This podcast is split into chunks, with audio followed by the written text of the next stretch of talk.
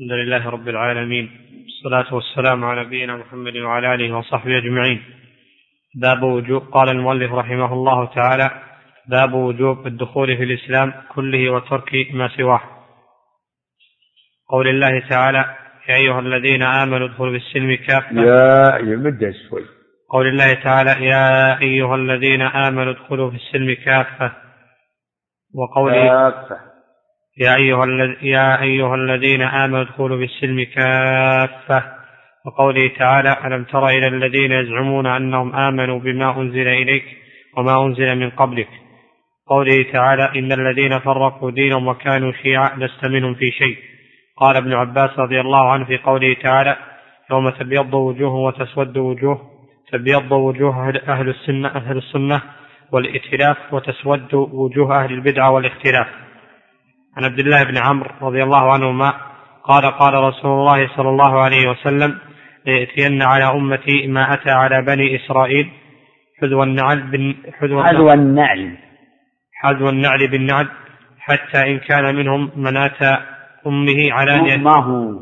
حتى إن كان منهم من أتى أمه علانية كان في أمتي من يصنع ذلك. وإن بني إسرائيل افترقت على اثنتين وسبعين ملة وتفترق هذه الأمة على ثلاث وسبعين فرقة كلهم في النار إلا من إلا ملة واحدة. قالوا من هي يا رسول الله؟ قال ما, ما أنا علي ما أنا ما, ما أنا علي وأصحابي. وليتأمل المؤمن الذي يرجو لقاء الله كلام الصادق الصدوق في هذا المقام. الصادق. كلام الصادق الصدوق في هذا المقام. لا المصدوق مثل اللي مرة الصادق المصدوق.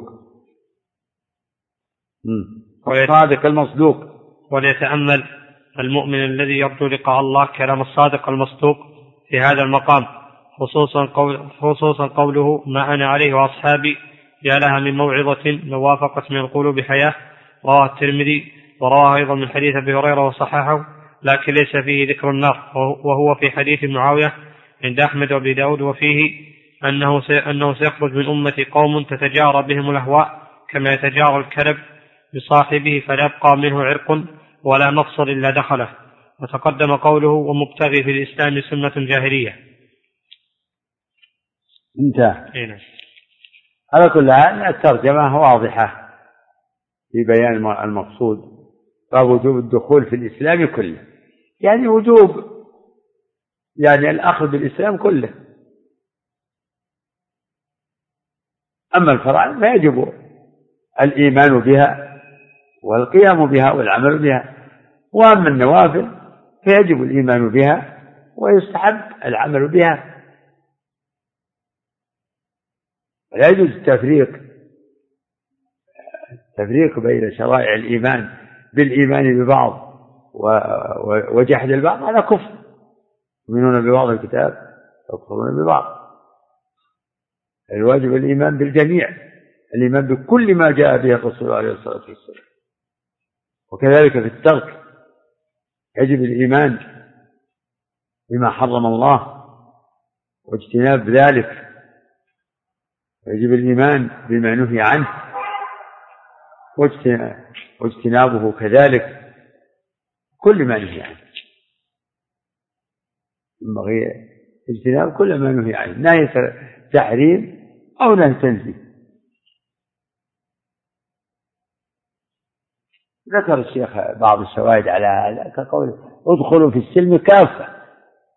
كافة يعني ادخلوا في السلم كله. لا تدخلوا في, في الإسلام في بعضه تأخذوا ببعضه دون بعض ادخلوا في السلم كافة. ولا تتبعوا خطوات الشيطان. إنه لكم عدو مبين. والذين